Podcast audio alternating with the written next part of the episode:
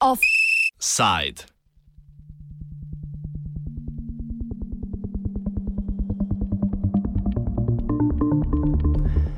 O varnosti za rešetkami.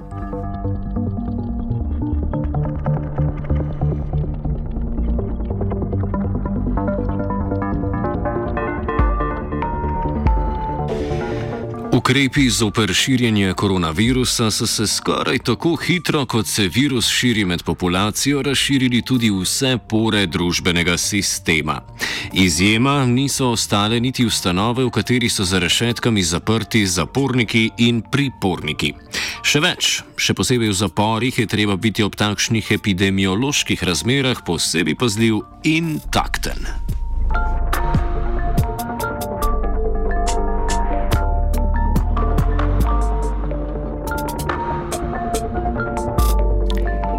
Državni zbor se je na pretečo nevarnost v zaporih že odzval prejšnji petek, ko je po hitrem postopku sprejel interventni zakon o začasnih ukrepih v zvezi s sodnimi, upravnimi in drugimi javnopravnimi zadevami za obvladovanje širjenja novega koronavirusa. Ta namreč opredeljuje kar tudi štiri ukrepe na področju izvrševanja kazenskih sankcij. Prvič, potekajoči postopki v zvezi s pozivom obsojenca na prestajanje kazni zapora se prekinejo, novi postopki pa se ne bodo začeli. Drugič, direktor Zavoda za prestajanje kazni lahko zaradi preprečitve širjenja epidemije premesti obsojenca iz enega v drug zavod ali v oddelek drugega zavoda. Tretjič, doktor Direktor lahko po uradni dožnosti tudi prekine prestajanje kazni obsojencu, če ne obstajajo varnostni zadržki. Četrtič in zadnjič, direktor zavoda lahko zaradi preprečitve širjenja epidemije predčasno odpusti obsojenca največ šest mesecev pred iztekom kazni.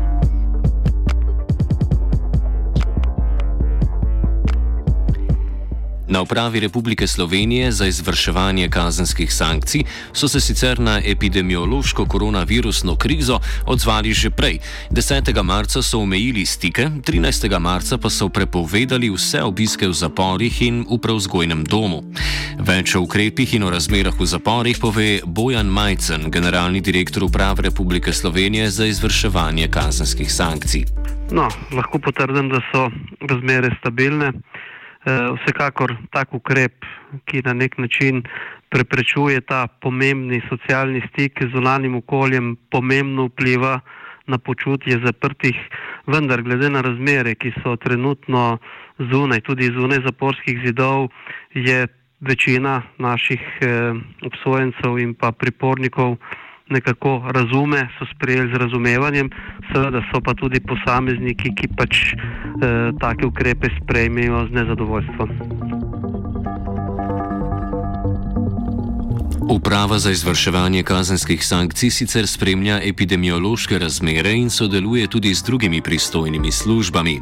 Majcen. Mi dejansko poslušamo ali pa spremljamo navodila Nacionalnega inštituta za javno zdravje, napotke vlade, napotke vseh državnih inštitucij. Eh, zdaj mi smo specifično okolje. Na nek način eh, smo že sedaj v neki karanteni ne, in predvsem za nas so problematični prihodi od zune, ker znotraj žarišča ne more biti, ker smo na nek način že v izolaciji in vsi zunani stiki predstavljajo problem. Seveda je pa ne mogoče zapor popolnoma hermetično zapret. Tukaj prihajajo v službo naši zaposleni, eh, prihaja v zaporu skrba, eh, podozeli smo še določene druge ukrepe, zaustavili smo izobraževanje, eh, delo zaprtih, kar tudi predstavlja na nek način lajša v bistvu to čas prestajanja kazni, vendar glede na trenutno situacijo so bili ti ukrepi seveda nujni in potrebni.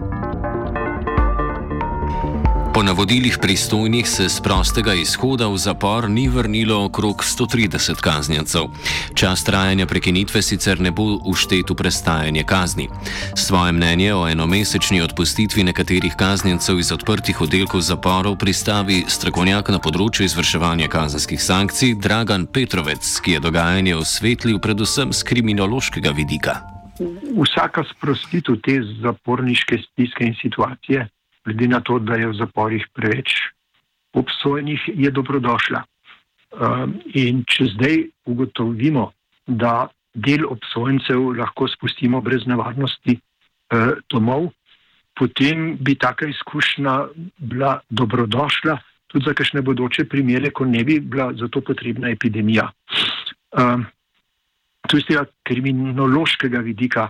Medtem ko od medicinskega bi si pa drznil reči samo to, da prekinitev prestajanja kazni za en mesec je problematična. Jaz mislim, da bi morala biti prekinitev daljša, dokler pač traja uh, tako stanje, ker v enem mestu jaz ne verjamem, da bi se razmere zunaj izboljšale in je verjetnost, da kdo prinese nazaj virus najbrž večja, kot pa če bi uspeli v zaporih vzpostaviti neko izolacijsko stanje. Zaradi prepovedi obiskov so zaporniki izgubili pomemben del svoje zaporniške svobode. Tako pride tudi do napetosti, do psihične napetosti in stiske samih zapornikov, do socialnih napetosti med sokaznjenci in tudi do napetosti v odnosu s pravosodnimi policisti. A zaradi oduzema pravice do obiskov so zaporniki varnejši, pravi penolog Petrovec.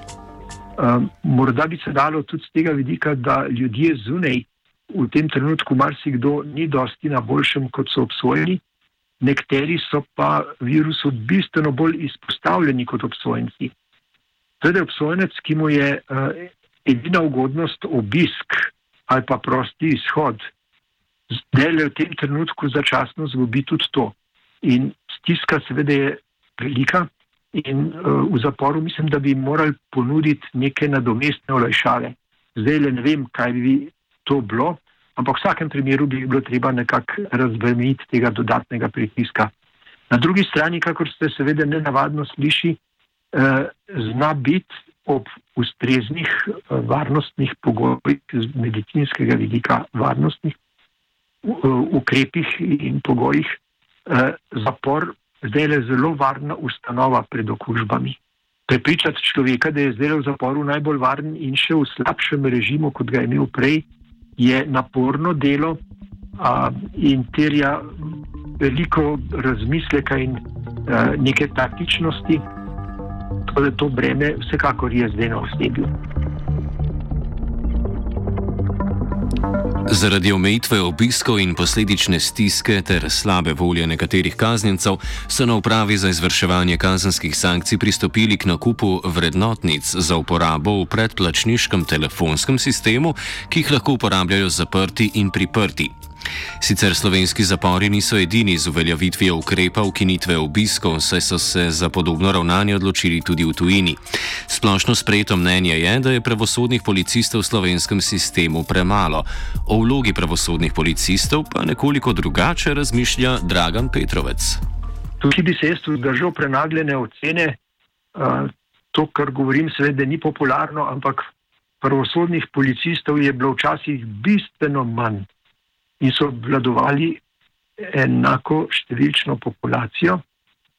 Um, na drugi strani zdaj odpadejo vsa spremstva na sodišča, ker sodišča um, obravnavajo samo še najbolj nujne zadeve, morda tudi kakšna kazenska spada vmes, tukaj sem zadržan pri tej oceni. Uh, tisto, kar je zdaj povečano delo za osebje, je razreševanje teh dodatnih napetosti. To pa vsekakor je, ampak tukaj pa ni številčnost eh, pravosodnih policistov pomembna toliko kot njihov pristop k obsojenjem. Kljub vsemu opravljajo pravosodni policisti izjemno težko in odgovorno poslanstvo. Zaposlenim so uredili tudi psihološko pomoč. Generalni direktor uprave za izvrševanje kazenskih sankcij sicer meni, da pomankanje kadra na delo v zaporih v časih korona krize ne bo bistveno vplivalo. Majcen. Zdaj situacija je pač taka, da uh, trenutno, uh, glede na situacijo, ki jo imamo, so uh, se naše aktivnosti predvsem fokusirajo na varovanje in pa delo v samem zaporu. Mi imamo v eh, rednih razmerah ogromno dodatnih nalog, eh, predvsem spremstva v zdravstvene inštitucije, na sodišča in če na druge organe.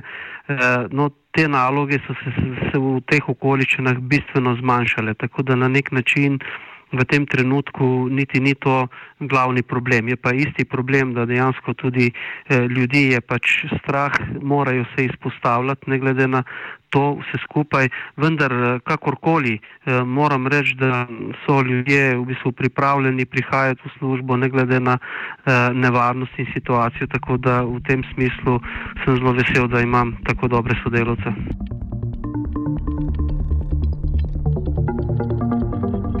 Kot svetober drugih institucij, naj omenimo zgolj zdravstvene, se tudi v slovenskih zaporih borijo sovražnikom, ki sliši na ime pomankanje zaščitne opreme.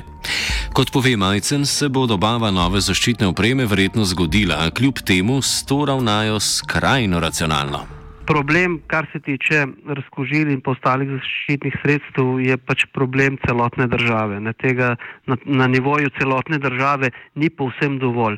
Vsekakor pa je v bistvu oskrba zadovoljeva, tako da imajo na razpolago zaščitna sredstva in tudi uh, zaenkrat okužbe znotraj zaporov nimamo, kar je zelo dobrodošlo, tako da je pač nevarnost manjša. Kljub temu se pa v bistvu obnašamo s temi sredstvi racionalno, ker eh, dejansko pač eh, ne vemo, kaj bo jutri, kaj bo jutrišnje, sicer je v bistvu dobava verjetno bo, ampak kakorkoli. Skratka, zaščitna sredstva so in jih lahko uporabljajo, vendar ni jih pa dovolj, tukaj, kot bi se mi želeli.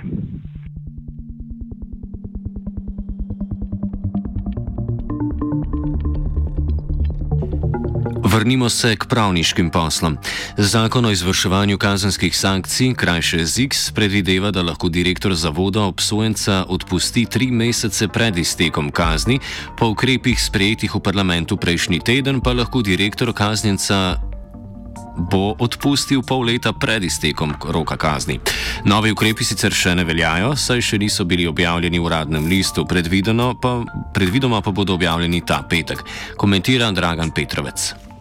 To je ena kombinacija kriminalitetno-političnega in, in medicinskega ukrepa, pri čemer bo seveda ta obsojenec, ki bo odpuščen, moral zelo paziti, kako se bo zunaj obnašal, da uh, ne bo zunaj dobo prej tega virusa, kot bi ga pa noter. Uh, ampak to je pravzaprav samo, kot ste povedali, eno podaljšanje um, nekega beneficija negodnosti, ki je že prej veljala po zakonu. In jaz verjamem, da se bojo zdaj le našli, eh, da se bo našlo dovolj obsojencev, ki izpolnjujejo te pogoje. Eh, seveda pa to potem prispeva k zmanjšanju zasedenosti in morda tudi zaradi tega k nekoliko lažjemu nadzoru in tudi k boljši klimi.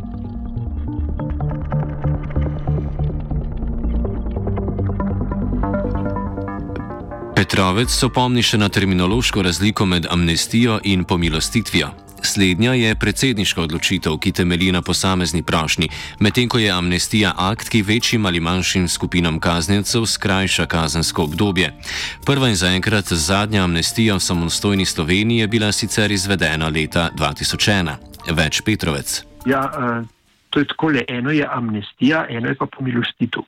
Uh, pomilostitev je v rokah predsednika, In tukaj so zadnji predsedniki, oziroma zadnja dva predsednika, sta bila izrazito zadržana, predsednik Jirk in predsednik Pahor. A, tako da teh pomilostitev je bilo zelo malo.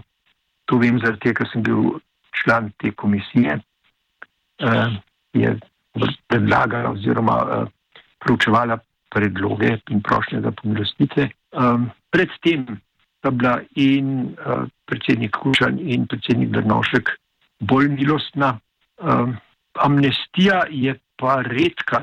Amnestija je pa akt, katerim parlament uh, ne konkretnim obsojencem, ampak kar počes, naprimer vsem obsojencem skrajša za tri mesece, za šest mesecev, ali pa skupini političnih obsojencev, ki jih pri nas sicer ni, uh, um, odpusti kazen.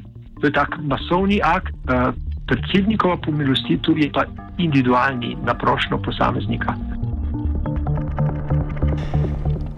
Ob toplem domačem kaminu pa naj bi zanimivo že sedela Igor Bavčar, nekdani notranji minister in prvi mož Istrebenza, ki je začasno stanoval na pol odprtem oddelku zapora na dobu, in Boško Šrot, nekdani šef pivovarne Laško, ki se je dolgočasil na odprtem oddelku istega zapora. Tako bosta križanke in sudoku reševala v družinskem krogu.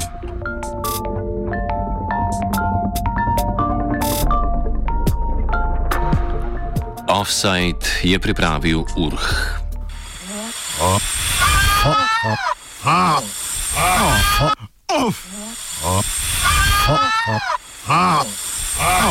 Offside.